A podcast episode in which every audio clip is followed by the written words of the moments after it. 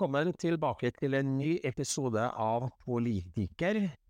Amund Vik og jeg har jo lovt å følge valgene i Europa og USA i denne podkasten. Lørdag er det valg i Slovakia, og hvorfor bør dette interessere også oss nordmenn? I dag skal vi høre om, i litt ulike rekkefølge, hvorfor favoritten til å vinne valget, Robert Fico, har skrevet brev til Jens i Nato og bedt han om å holde seg unna valgkampen hvordan ansettelsen av en tidligere glamour- og toppløsmodell som rådgiver for statsministeren, altså samme Robert Ficcio da han var statsminister forrige gang, endte opp i en medieføljetong om korrupsjon som involverer den italienske mafiaen, et politisk drap på journalisten som skrev sakene og hans forlovede, og etterfølgende opptøyer og skifte av regjering. Hvordan Slovakias rolle i Ukraina-krigen kan få en rotorgraders svingning etter valget på lørdag, fra å være en av de mest aktive støttespillerne for Ukraina til å bli Putin-vennlig, og hvordan det her i så fall vil påvirke resten av Europa øh, og samlinga i Europa. Men først, jeg har igjen besøk av Tarjei Skirberg som gjest. Han sitter i London, hvor han er på jobb for arbeidsgiveren sin Equinor. Tarjei har gjesta politiker tidligere. Da snakka vi om valget i Spania inn i en europeisk kontekst, med eh, den boka som Tarjei har skrevet, de moderate folkepartienes fall. Tarjei og jeg har kjent hverandre i 35 år ca. Da møttes vi i AUF. Vi sto på hver side av EU-kampen, men begge er glad i EU. Vi er bare uenige om Norge bør være medlem eller ikke. Det skal vi ikke diskutere i dag. Men Tarjei har også vært rådgiver for Jonas da han var utenriksminister, og jobba i stortingsgruppa for Arbeiderpartiet. For altså nå da jobbe for Equinor.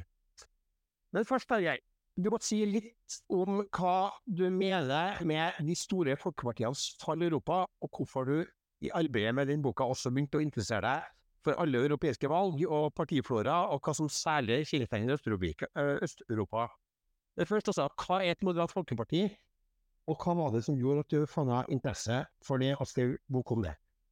Tusen takk, eh, Tore, for, eh, for invitasjonen. Eh, morsom pod dere har, og morsomt å få lov til å, å være med i den. Eh, også få anledning til å snakke om et land som kanskje ikke alle i Norge er helt 100 eh, familiære med å ha under huden, men eh, det kan vi jo prøve å gjøre noe med. Eh, og så er det viktig for meg å si at jeg selvfølgelig er i privat ærend, selv om jeg har en, en jobb også.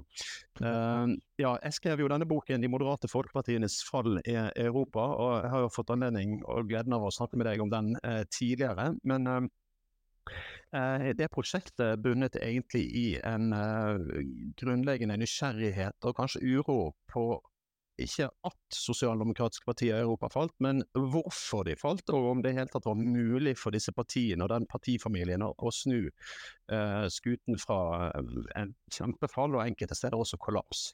Og I den prosessen så Eh, så jeg vel at det var jo ikke bare den sosialdemokratiske politiske familien som sleit, men det var jo nesten like mye den moderate høyresiden som, som slet i Europa. Og det er egentlig det som er min grunnbekymring. Det er når disse to partifamiliene, altså den moderate venstre og det moderate høyre, som har vært helt toneangivende og instrumentelle i å utvikle det Europa og det systemet vi er en del av og tar for gitt i dag.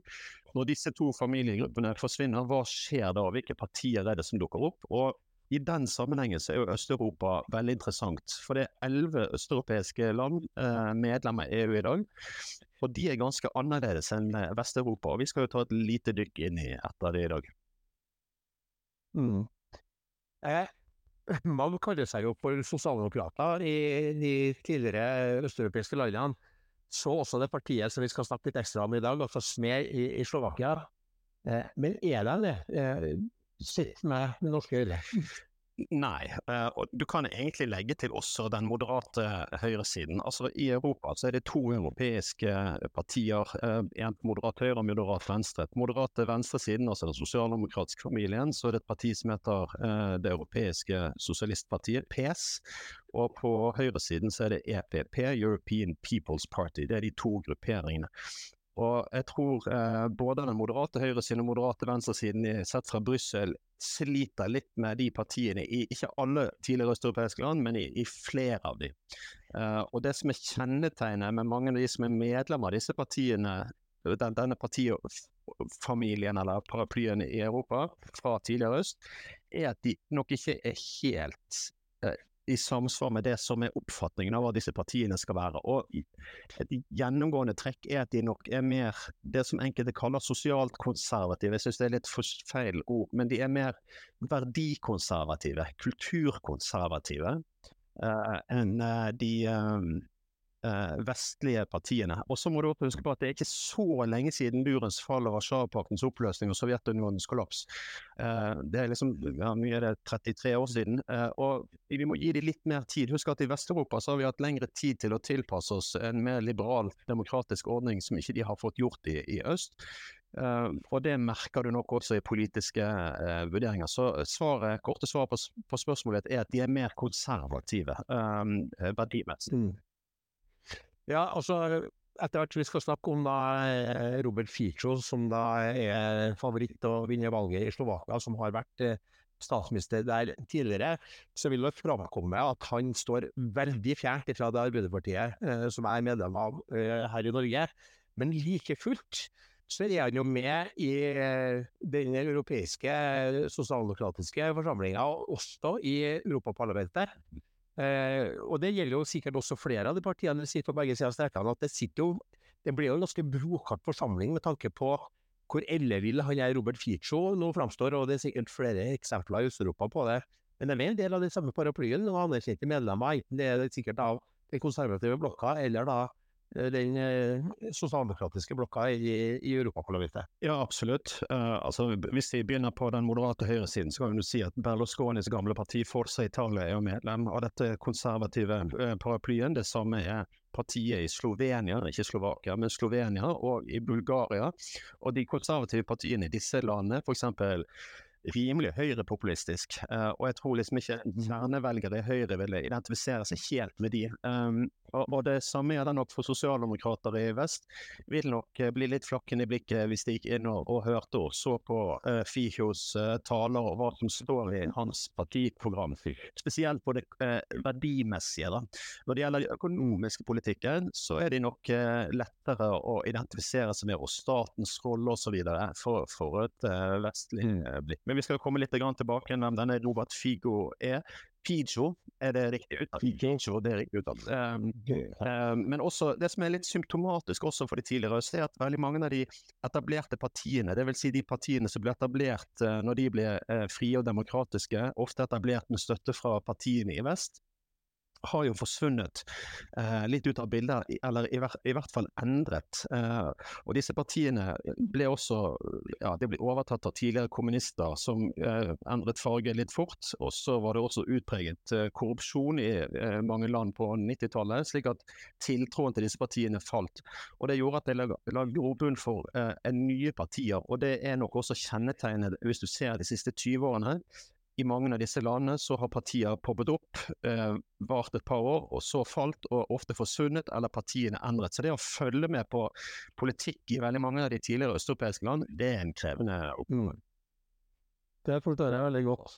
Så til Slovakia, eh, som da er ofte da blander med Slovenia. Eh, Slovakia er altså eh, en av de delene av Tsjekkoslovakia som ble delt etter fløysrevolusjonen i 1993. Eh, og Slovakia ligger da altså eh, mellom Polen i nord, Ungarn i sør og det er viktig nå, da, grense eh, mot Ukraina i vest. Og da er det vel sikkert Østerrike da, også da, i, i øst.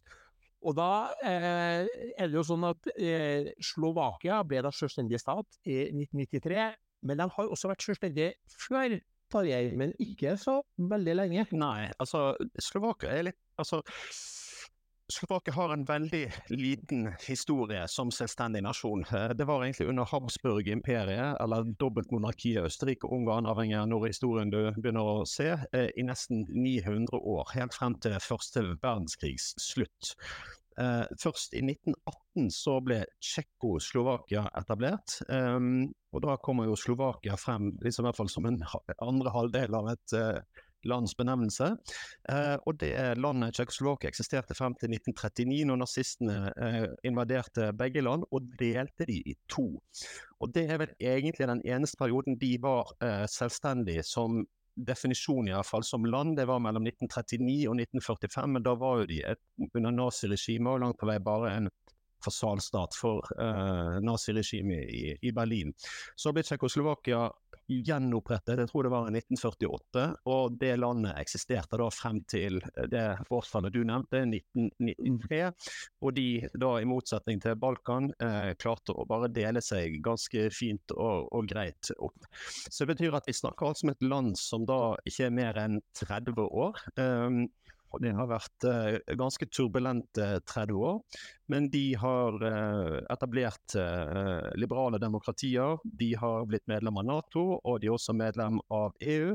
Og et lite punkt under at de er medlem av EU, de er også medlem av euroen. Og det er også viktig i forhold til hvordan dette landet binder seg opp til den vestlige siden her. Og det skal ikke undervurderes. F.eks. Ungarn og Polen ikke er med i euro.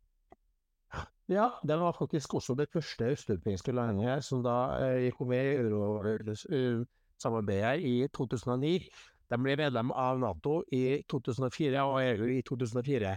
Altså, men det var en brokatt start. De var veldig eh, østorientert de første årene etter 1993. og og Madeleine Albright, som vel er fra Tsjekkoslovakia, eller som ja, ble født da i Tsjekkoslovakia, ble født der, som var utenriksminister for Bill Clinton, og sa jo det at uh, i 1997 at Slovakia var the black hole of Europe. Og Det var sikkert sammenheng med at de både sto utenfor EU og ikke minst utenfor Nato, og da hadde sine eh, utfordringer. Eh, men jeg, har jo da kommet på at jeg har jo vært i, i Slovakia. Jeg har liksom vært litt i stuss om det var i Slovakia eller i Slovenia jeg har vært. Du har også vært en tur innom Bratislava som hovedstad, forstår jeg. Der har jeg landet med fly. Så jeg har kjørt en lang biltur til et område som heter for Trenčin. Og årsaken til det er faktisk at Trøndelag, eller Sør-Trøndelag fylkeskommune, hadde en vennskapsavtale med Trenčin som oppsto pga. EØS-midlene som Norge betaler på, som, eh, til EU-systemet for, for, å utjevne forskjeller i, i, innenfor EU knytta til EØS-avtalen. Og da har de en middelalderborg i Trenčin, som de da ønsker å pusse opp. Og det var da Nidarosdomens restaureringsarbeider i Trondheim som var det fagkompetanse de ønsker å knytte seg opp imot, og da også ha politisk kontakt. Det var også noe utveksling med noen skoleelever. Jeg tror dattera mi gikk på videregående. Jeg hadde besøk av ei jente fra Trenčin her, og var tilsvarende på tur tilbake til Trenčin med dem. Så det var en liten periode vi da hadde samarbeid i Trenčin. Ja, det var overraskende. Veldig flott. Og det er også kjent for sine spa. Vi kom litt tidlig fram da, før vi hadde møter og mottakelse. Og min kollega fra, fra fylkeskommunen, så vi benytta anledninga til å gå på massasje da, på et spa-anlegget på hotellet. Og vi tenkte vi skulle få en da, behagelig start på, på oppholdet. Men da, når vi lå der, da, så kom det inn da, to kjempesvære og kraftfulle menn med skitne T-skjorter som da lukta svette. Så jeg hørte bare da, en svak klinking fra nabobenken. Og var ganske sterkt prega av det der massasjeoppholdet. Resten, resten av oppholdet. Ja, de, har, de har litt tradisjon på sånn eh, spa i den regionen. Mange har jo reist til Ungarn og gjort det samme, men det, det er jo rett over grensen til Slovakia. Ja, jeg har blitt knøvla på en, eh, på en massasjebenk i Trenskir i hvert fall. Men landet har også hatt en ganske stor suksess med at det er etablert mye bilindustri der etter eh, de kom med i den vestlige sfæren. Eh, men vi har også hatt en del utfordringer økonomisk, eh, både etter finanskrisen, men også særlig covid var, var vanskelig i landet. Mm. Vi skal videre til eh, partifloraen og hva som nå da en, en liten ting, og det er jo at eh, for lytterne her så vil jeg anbefale å ta en tur. Det er ganske interessant, og Bratislava er en veldig fin by. Eh, og Der kan man gå opp til borgen og så kan man se utover en lang slette. og da, Det som er fascinerende med den utsikten, er at for sletten er ganske fin, men midt på sletten så ligger eh, kanskje, jeg lurer på om jeg har lest at det er med forbeholdet, så er den tettest eh, konsentrerte høyblokkbydelen i Europa er der, og den er grå og trist. Den er liksom veldig kontrast fra gamlebyen til Bratislava, så ser jeg ned på denne, denne bydelen. Og så er det veldig kort til Wien. Det er bare tre kvarter med hurtigbåt eh, langt elven ned, så det, det, er tilgjengelig for folk. Ja, vi skriver på det at det er et veldig vakkert land. og eh, Den middelalderborgen og det området rundt Tenkjer var så fint, så det er nok et, et land eh, så De lever også godt på reiseliv. Reiseliv er en viktig inntekt i, i Slovakia. Men til dagens politiske situasjon. Det er altså da valg eh, på lørdag 30. Og det valget kommer i stand fordi det var skrevet ut nyvalg eh, fordi sittende regjering fikk et mistillitsvotum mot seg da i eh, desember i, i, fjor. Så det er et forretningsministerium som har styrt eh, landet fram til nå. Og eh, dagens eh, regjering, en regjeringskonstellasjon, har vært skiftende de siste årene. Det skjedde et skille i Slovakia i 2018. Og det skyldes en nokså dramatisk eh, situasjon. Da var Robert Fico eh, og Schmer eh, statsminister og regjeringsparti. Og eh, det er nok også et land som å slitt en del med korrupsjon.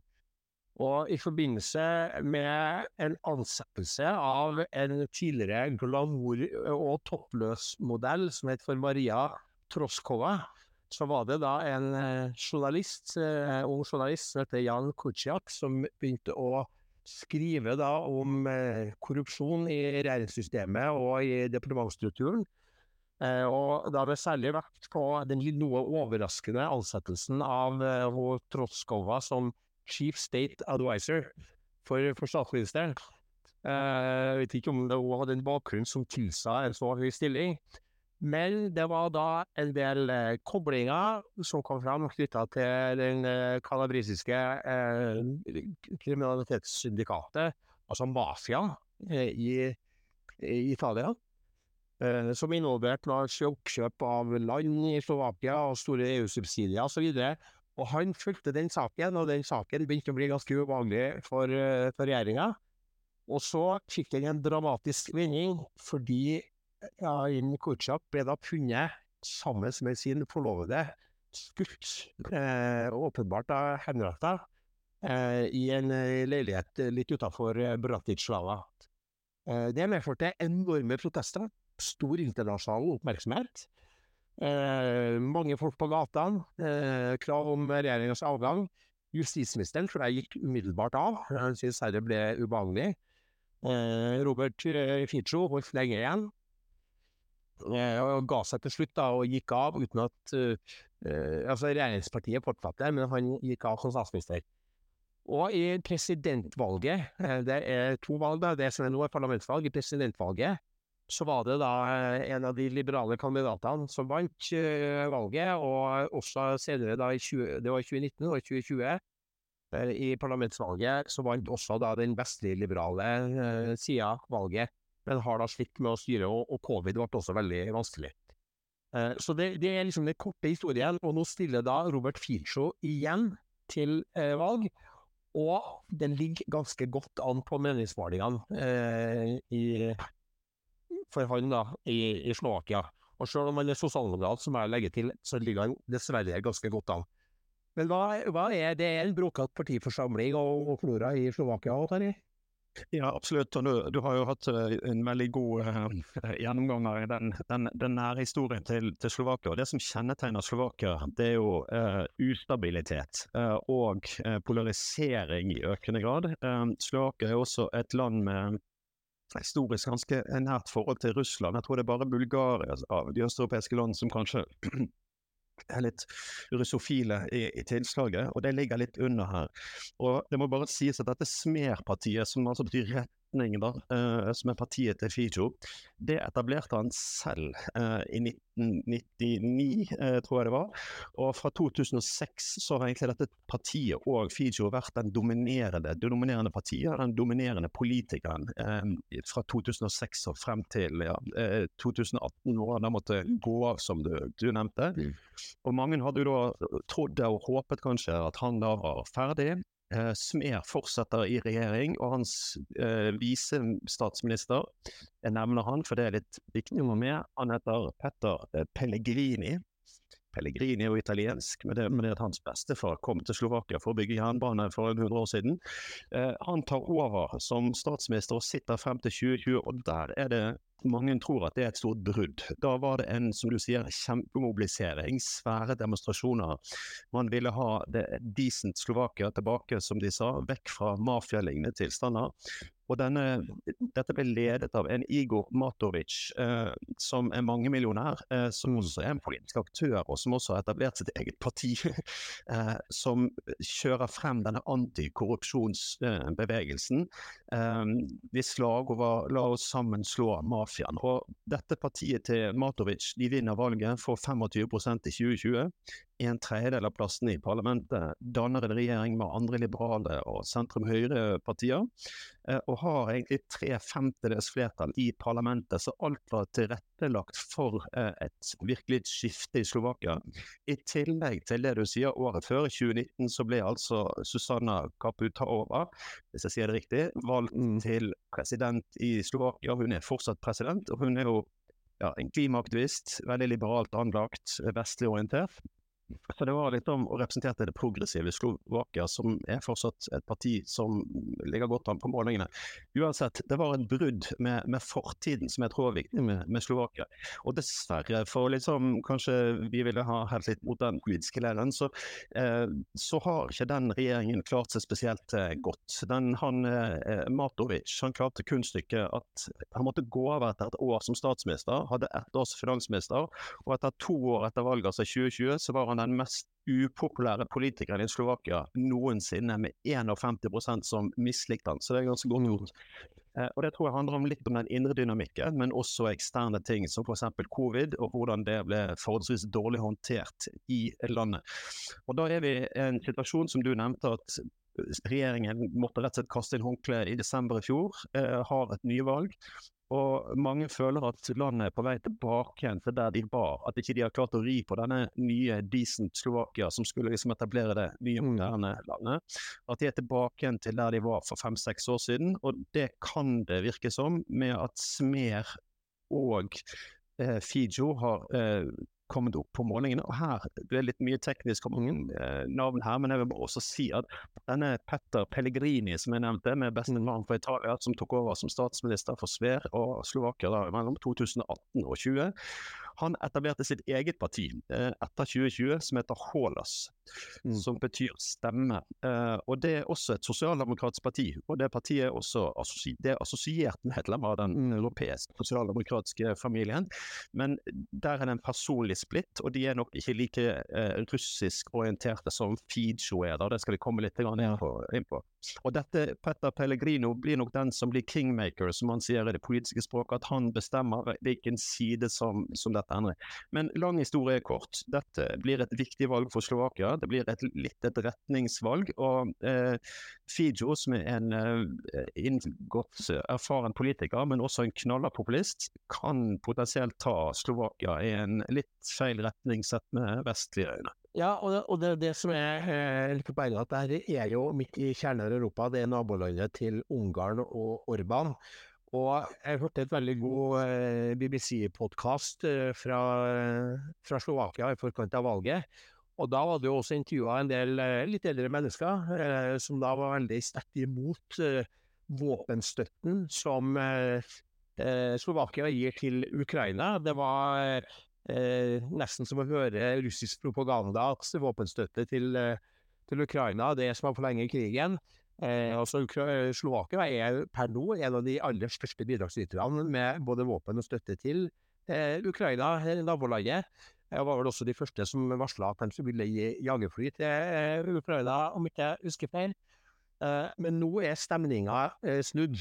Det er på meningsmålingene der man spør om Nato-oppslutning i landet så er det sånn at det er et flertall som mener at Nato er en større sikkerhetstrussel uh, enn en Russland. og det er også sånn at man mener Nato er skyld i krigen i Ukraina. Nå tror jeg nok at også valget i Slovakia er sterkt påvirka av russiske informasjonsagenter som da strømmer utover landet og påvirker også stemninga. Men det er klart at Robert Fico fisker også i den stemninga. og sier at mye av elendigheten økonomisk nå som følge av Ukraina-krigen er Vestens eh, eh, måte å håndtere krigen på. Det er Vestens bidrag med våpen som forlenger krigen og deler den økonomiske elendigheten i, eh, i Slovakia. Og spiller mye på det samme retorikken vi hører fra Putin. Og da er det jo sånn at Nato har da drevet informasjonskampanje, sikkert bare, ikke bare i Slovakia, men også flere østeuropeiske land. Jeg, vil, jeg, vet ikke om det er sånn, men jeg vil tro at det også er for å balansere ut russisk propaganda i de samme områdene, som er veldig aktiv. Uh, og uh, da er det for å snakke om viktigheten av å støtte Ukraina osv. Uh, og da skrev jo da Robert Fico brev til Jens Stoltenberg i, som generalsekretær i Nato, og ba Nato om å slutte med kampanjen eller utsette den til etter valget for han mente at Natos informasjonskampanje, som da handla om å støtte opp om Ukraina, og da sikkert snakke om fordelaktige eh, sider ved Nato, det var å blande seg inn i valget. Det var valgpåvirkning. Det her har Jens eh, svart både diplomatisk og nokså resolutt på. Og vi til at eh, også Nato har tidligere kjørt sånne informasjonskampanjer, men da gjentatt viktigheten av trygghet i Nato, og også eh, støtte til Ukraina for our common good. Men Fiso bruker også dette her da, i kampanjen sin mot, mot Nato. Og det er det jeg skal spørre deg om, Tarjei. Jeg er litt bekymra for den aspekten at det er også flere andre i Europa, også Nato-land, som er eh, som er litt på den galeien at russisk propaganda når inn, og at våpenhjelp til Ukraina må opphøre fordi det forlenger krigen, ifølge dem, og dermed også da forlenge da økonomiske problemer. Østerrike, som ikke er medlem av Nato, er samme stemningene. Eh, Ungarn har du det. Du har også hatt tendenser andre steder. Eh, hva er din observasjon på det? Nei, altså Interessante refleksjoner. og uh, Jeg har ikke sett den uh, kampanjen, hvis det er det det kan defineres som uh, Nato har. Um, jeg tror en viktig forskjell her. altså Nå uttaler jeg meg på mm. bedre vitende, for jeg har ikke sett den, som sagt. men um, Eh, jeg tror en veldig sånn eh, konkret forskjell mellom det eventuelt Nato gjør og det Russland gjør, er at Nato gjør det helt åpent. Mm. Forteller dette er vi og dette vi, eh, ønsker vi å få til. Mens Russland er jo ikke sydlig i seg selv. Men det er helt åpenbart ut fra alt jeg har lest, at eh, Russland er veldig aktiv på sosiale medier og bruker andre indirekte til å påvirke og fisker i Eh, litt brokket brukket eh, farvann. Og så må det jo sies at altså, Slovakia gjør det jo bra i forhold til mange andre land, men det er jo et, i en europeisk målestokk fortsatt et fattig land.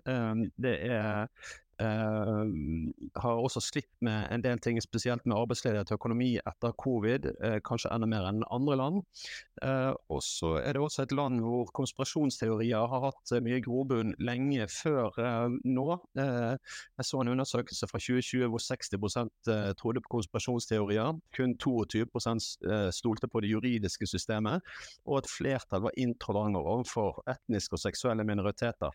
Og dette er litt gjennomgående i veldig mange av av de tidligere østeuropeiske landene. Jeg har også sett undersøkelser fra Sørøst-Europa. Da inkluderer vi Romania, Bulgaria, Balkan osv. Eh, og Ungarn.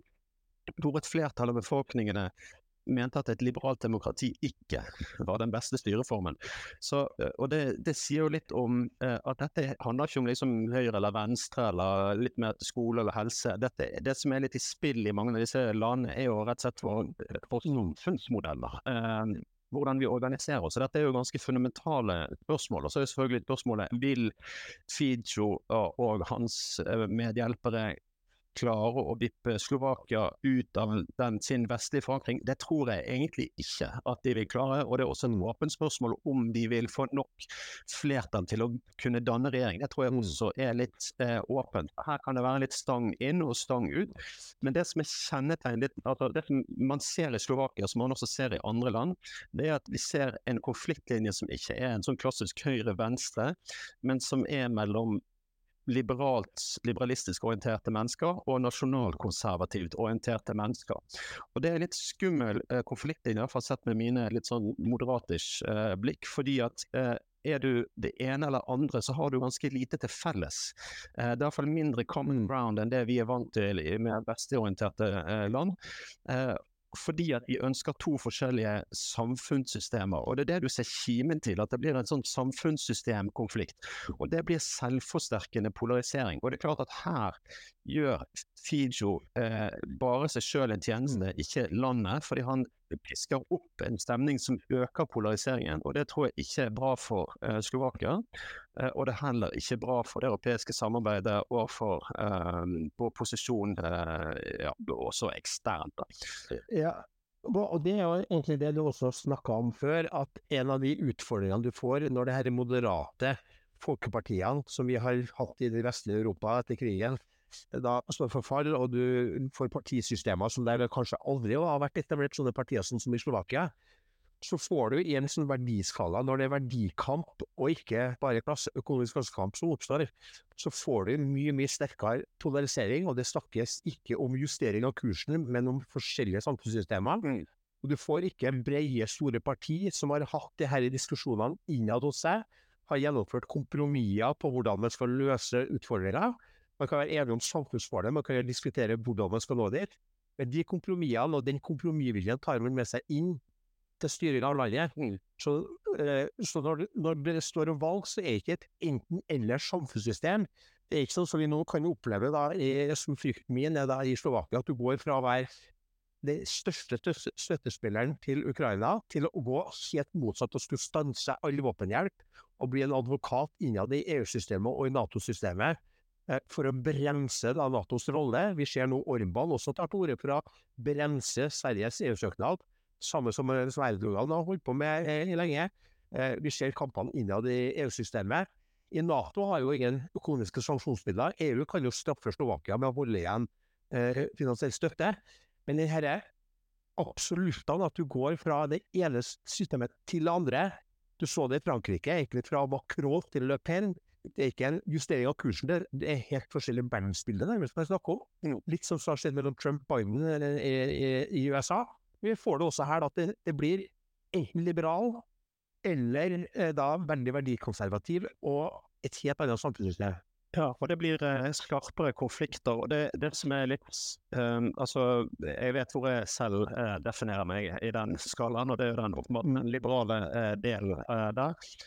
men utfordringen når du lever i demokratiet, er at du kan ikke legge til grunn at ett parti vinner alle valg. Det betyr at mm. hvis det er en sånn konflikt, og du er liberal, så kan ikke du regne med at det liberale vinner hvert valg. Det kommer ikke til å skje. så på et eller annet tidspunkt så vil da den nasjonalkonservative siden vinne. Um, og det andre er at hvis du ser på hvor pendelen svinger. Eh, nå kan man selvfølgelig peke på at i Slovenia vant de liberale, i Tsjekkia vant også de liberale, så det har for så vidt vært stang inn i de to landene. Men jeg vil si overordnet sett så heller pendelet i nasjonalkonservativ retning. Så jeg tror alle som har et eh, liberalt gen i kroppen, eller er opptatt av individuelle rettigheter eller minoritetsrettigheter, bør eh, egentlig begynne å være litt bekymret. Og dette inkluderer også de som er for internasjonal markedsøkonomi og mm. eh, eh, global handel osv. Her er det ganske mye på spill, eh, egentlig, eh, over tid. Og dette er ikke en sånn brudd at det skjer en endring på mandag, liksom, så er vi et helt annet samfunn. Dette er gradvis endring. Mm. Og det som kan skje med Slovakia, er at de glir inn og blir en del av det vi ser at Polen og Ungarn har eh, blitt. Mm. På den positive siden, da, eh, ja, det her positive anførselstegn, det er jo at i europeisk målestokk så finnes det to ytre høyre grupperinger i Europa. Det ene heter ID, og det andre heter ECR. Eh, og de to er litt vanskelig å skille hverandre, men eh, Sannfinn i Finland er medlem av den ene, og Sverigedemokraterna er medlem av den andre. Hva som er forskjell på de to? Litt, ja, jeg tror Sannfinn er litt drøyere, kanskje, hvis mulig, men eh, marginal forskjell. Poenget mitt er at det er veldig sjelden at ytterliggående høyrepartier blir enige med hverandre. Nasjonalistiske ytre høyrepartier. Og det ser vi også i Slovakia, hvor Ungarn har reagert veldig på uh, det ytterliggående uh, slovakiske nasjonalistpartiet, som potensielt er et av støttepartiene til Fidsjo og Smer. Uh, og motsatt så har Fidsjo gått ut og kalt Orban og Fidesz for et ekstremt nasjonalistisk parti, og advart mot det ungarske ytre høyre. Og det er litt ironisk, ettersom han selv representerer et langt på vei et ytre høyre. Så ja, igjen, altså Ungarn, hvis du ser Victor, bilder av Viktor Orban, hvis han har sånn skjerf og skal på fotballbanen og se, heier på Ungarn spille fotball, så har han alltid skjerf, og det, der er det et bilde av Stor-Ungarn på, på, skjerfet. Og det innbefatter stor, deler av Slovakia og deler av Romania. Så her er det mye potensiell konflikt blant nasjonalistene. Men det var at vi er enige og kan gjøre store endringer, tvilsomt, men de kan skape mye ugagn. Det er helt, helt åpenbart. Ja. Så, så trivselen i det her er at uh, den der, ytre høyresida som har storma fram en del plasser, har blitt en del av, uh, av maktapparatet. De, de krangler like mye internt at det var størst for på en organisering, men det er jo en bekymringsfull utvikling mellom linjene i Høyre, og ikke minst også for rettsstatene, som vi har sett i Polen og som vi har sett i, i Ungarn. Absolutt, og de ser at de begynner, de utfordrer det juridiske systemet, eh, mediemangfoldet og dette med illiberalt, liberalt demokrati. Det er jo litt sånn teknisk ut for mange, men et liberalt demokrati betyr jo egentlig at eh, også minoriteters eh, i en eller annen fasongs rettigheter er også sikret. At ikke du lever i et majoritets eh, eh hva skal man si, styre. At hvis det er 51% som bestemmer at alle skal gjøre sånn, så må også de 49 gjøre det. De har også rettigheter som skal ivaretas. Det handler om å balansere liksom en, en, en samfunn på en, en klok måte, eh, i hvert fall sett med vestlige briller. Mens et illiberalt demokrati som Orban ønsker, og ytre høyre ønsker, snakker jo ikke om individet som utgangspunkt, men som folk. Og da er spørsmålet hvem er folk, og hvem, hvem bestemmer hvem det er? Og da er du langt inne i en altså nasjonal, eh, nasjonalistisk tilnærming, at det er folkets rettigheter. Mm. Og den er, den er litt uh, skummel. Når det gjelder ytre høyre i Slovakia, så ser det ut som at de uh, får kanskje opptil 20% oppslutning, fordelt på tre partier. Mm. Eh, og der er jo to av de er jo nynazistiske partier, rett og slett.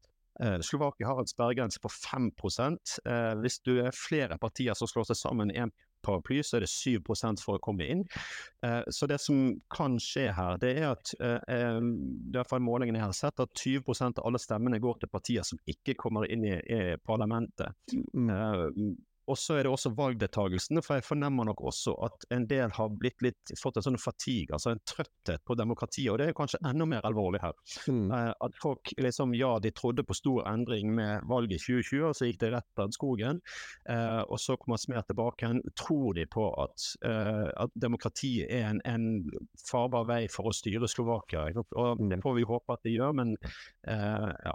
Og så er det da dette skillet mellom det progressive Slovakia, altså det liberale delen med presidenten i spissen, og den nasjonalkonservative, og balansen der. og Der tror jeg nok at eh, hvis jeg var en ekstern rådgiver, så ville jeg kanskje henstilt disse politikerne til å puste litt med magen, og prøve heller å prøve å bygge en common plattform i Slovakia, istedenfor å øke splittelsen eh, enda mer. Men sist har jeg bare også lyst til å nevne at altså, jeg nevnte at Slovakia er et, et forholdsvis fattig land. altså Det er jo fattig, men det er fattig i en europeisk målestokk. Og det er nok reelle problemer der også, som jeg tror eh, også moderate og liberale partier må ta på større alvor, og ikke definere det som at nå er de mot Russland, eller nå skal de liksom helt ekstremt. Jeg tror mange av disse nasjonalkonservative klarer å appellere til dem, fordi at underliggende her så ligger det en reell frykt for fremtiden, for økonomien, for jobben sin, eh, som man må ta på større alvor for å sikre at man har en ja, etablere en sosial bærekraft, hvis jeg kan bruke det ordet, i, i Slovakia. Ja, og, og, det er jo også en del av de bekymringene som vi har løfta her før, som vi var bekymret for i Spania. Det er ikke Spania bedre enn rykta, mens vi har sett i Italia at dyrtid, med økende energipriser, med drivstoffpriser, med dyrere matpriser, med økende rente, det skaper helt andre sosiale spenninger i, eh, i Europa og de europeiske landene. Og der mange nå da har visst at EU og Vesten har klart å stå sammen skulder ved skulder, hånd i hånd, eh, mot Putin eh, og den måten han har drevet krigføring på Ukraina, og ikke minst måten han har prøvd å, å rote seg med, med energimarkedene på, så kan det jo tenkes at jo bedre kondis Putin har, jo mindre greier man å holde de her alliansene samla, fordi at den sosiale uroen som oppstår i kjølvannet av dyrtid, den er, har vist seg før, og den er fortsatt veldig problematisk for Europa. Eh, og Det slår nok også inn i valget her, som du nevner. Det, det, det, handler også om at folk har det materielt sett dårligere. Du kom veldig dårlig ut av covid i Slovakia, eh, og du opplever noe i dyrtid som gjør at eh, folk tenker litt sånn tilbake. Ja, og, og, ja, jeg tror det er et veldig viktig poeng. og jeg tror Hvis man er opptatt av Vestens sikkerhet uh, og uh, at vi holder sammen i en mer geopolitisk turbulent tid, um, så uh, tror jeg man gjør seg sjøl en bjørnetjeneste for å være veldig mye i ordvalget, eh, hvis man ikke sikrer eh, en sosial fordeling som gjør at folk ikke eh, av nødvendighet i anførselstegn her da, eh, beveger seg ut på ytterkantene fordi at ikke de føler at ingen hører på dem, ja, at ikke de har en fremtid. Og Dette er et veldig sterkt signal for både moderate og liberale partier at eh, hvis man i denne tiden vi nå lever og fremover skal klare å holde, dette, holde oss godt i stand, så må det være en sterkere sosial tilnærming til politikk, Mm. uavhengig om du kommer fra høyresiden eller venstresiden. Så er det jo sånn at eh, vi har jo også lært at de her eh, høyrekreftene som slår til en del eh, områder, enten det da var USA med Trump eller eh, Bolsonaro i, i Brasil, eller eh, ja, det kunne være Orban, du ser det i Polen og andre plasser, de har jo også et ganske skjellig forhold til demokratiet og valg. Og en del av kampanjene er jo også å undergrave legitimiteten til valg. Så også med Robert Fico, som nå da snakker om at det valget vi nå går eh, inn imot, er rigga. Han tar da med andre ord ut høyde for å kunne fortelle at hvis han ikke da får det flertallet han skal ha, så er det fordi at enten A, altså Nato har informasjonskampanje som påvirker valget, eller B, som eh, det kan du si litt om eh, mer etterpå hvem det er da. Han er Soros, han ungarskfødte Jønne Soros, han har brukt formuen sin til å blande seg inn i valget. Der har jo Orban og Fico en felles motstander. Eller skje, nå er det jo også sånn at det har vært en rekke arrestasjoner i Slovakia. Blant annet så har eh, da eh, den eh, kontra-spionasjesjefen eh, eh, Mikael Alak blitt eh, arrestert eh, fordi man mener at han står i ledtog med flere andre i politiet til å dekke over nettopp denne eh, korrupsjonsskandalen som eh, han journalisten eh, Jan Korczak eh, skrev om og mista livet som følge av i, et attentat i, i 2018. eh, at de prøver å dekke over aktørene der. Så det er fortsatt da runder knytta til korrupsjon, og Robert Fischow mener jo da at finansiert da, av ytre krefter, og ikke minst da eh, at nå presidenten sjøl driver og arresterer hans eh, venner i politiet. Eh, der lå da faktisk også står på lista til. Eh, det er da eh, et politisk kupp. Og eh, det betyr at det her er da et eh, rigga valg. Eh, så jeg er ganske sikker på at om man da ikke får flertall, eh, så kommer det til å være både demonstrasjoner som man høster opp, og andre ting, som vi så det i Brasil etter Bolsonaro og og med Trump, eh, i en eller annen form. Og det begynner jo nå da å bli normalen. Jeg er også litt redd, for vi skal ikke vi snakke om nå, men i Polen så ser det jo også ut som om eh, det partiet, lite, lite demokratiske partiet som styrer Polen, kan risikere da å tape valget. Eh, og da vil jeg også tro at du får sikkert beskyldninger om, om at det er rigga når de megler med det. Men Du kan si litt om, om Soros. Ja, ja, vi, kan, vi får komme tilbake til Polen. Det var 15. oktober, og det fortjener også en egen, eh, egen liten podkast. Men um, altså Fijo eh, altså Som nevnt, han er, har vært i politikken siden 1999. Dette er valget hans. Han kan det. Han er villig til å gjøre hva som helst for å komme i regjering. Mange å komme i posisjon. Mange trodde at han har spilt utover sidelinjen etter 2020. Partiet hans står på sånn 6-7% og nå har han altså vokst og ligger da på mellom 21 og 24% etter det jeg har sett. Så han har jo klart å teppe inn til et eller annet sentiment i befolkningen um, som ikke er bra. Og så er jo han veldig konspiratorisk han har jo anklaget presidenten for å være en amerikansk agent. Han mener at regjeringen er Soros paid puppies, som jeg så det sto. Og det betyr jo at de henviser til altså George Soros, som driver, som er da en jødisk født Han er født i Ungarn, i Budapest. Jødisk, emigrerte til England og så til USA. Er multimangemillionær. Og har brukt mest av pengene sine til noe som heter Open Democracy, tror jeg, eller Open Society, er litt usikker, men for å støtte liberale eh, samfunn. Og han er jo da en favorittanklagepunkt eh, for, for ytre høyre. Og dette knytter jo til antisemittisme og til konspirasjonsteorier, så det er ganske grovt, eh, egentlig, anklager. Um, så han, og, den, og Fijo har også blitt helt inntil nylig um, Du nevnte han kontra etterretningssjefen. Hans forgjenger ble oppnådd. Her er det mye som ligger gromt. Eh, for noen måneder siden så ville påtalemyndighetene ta ut en sak mot Fijo og anklage han for mafiakontakter. Det ble avvist av et eller annet organ, så det er fortsatt et trykk fra det juridiske systemet inn mot han.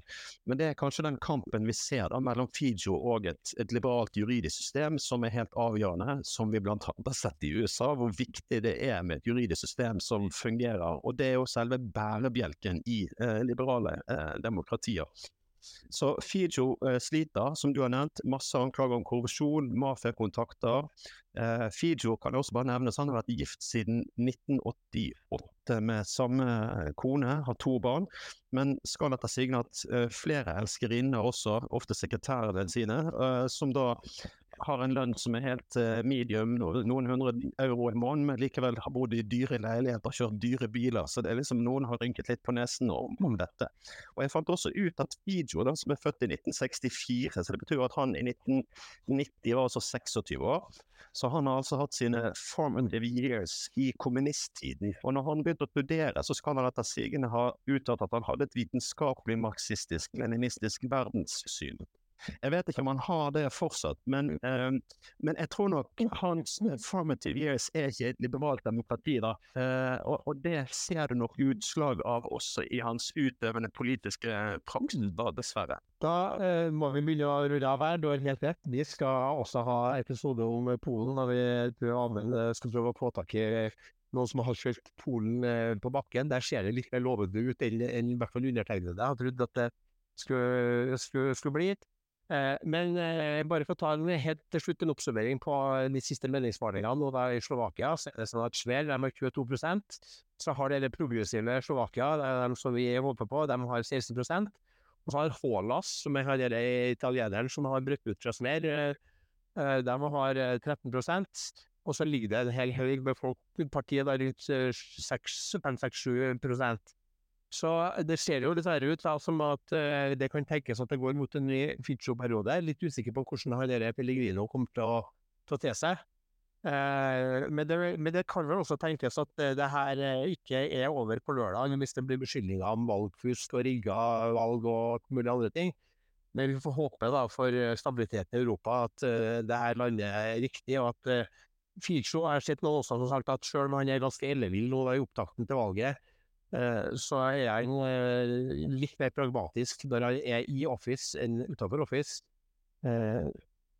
Eh, ja, det er også helt uh, mitt inntrykk. Jeg tror jo dette blir stang inn for den progressive delen. Jeg, mulig det er ønsketenkning, men jeg tror det. Men uh, hvis de vinner, så vil du likevel ha en opposisjon med Smer og ytre høyre på nærmere 40% som da er ganske vil noe annet. Så jeg tror uh, vi får håpe på stangen for de progressive. Og så kan vi slå fast at uansett så blir Slovakia fortsatt rimelig politisk turbulent. Men jeg tror de vil holde seg i den vettige hemmet verden, og så får vi følge med. Da sier jeg nok en gang takk til deg, Tarjei. Altså, politiker. kommer tilbake med flere episoder. Ta og Like oss med stjerner, og trykk på abonner, så får vi opp uh, lyttertallene og blir mer synlige og får spridt uh, budskapet til flere. Da sier jeg takk for i dag.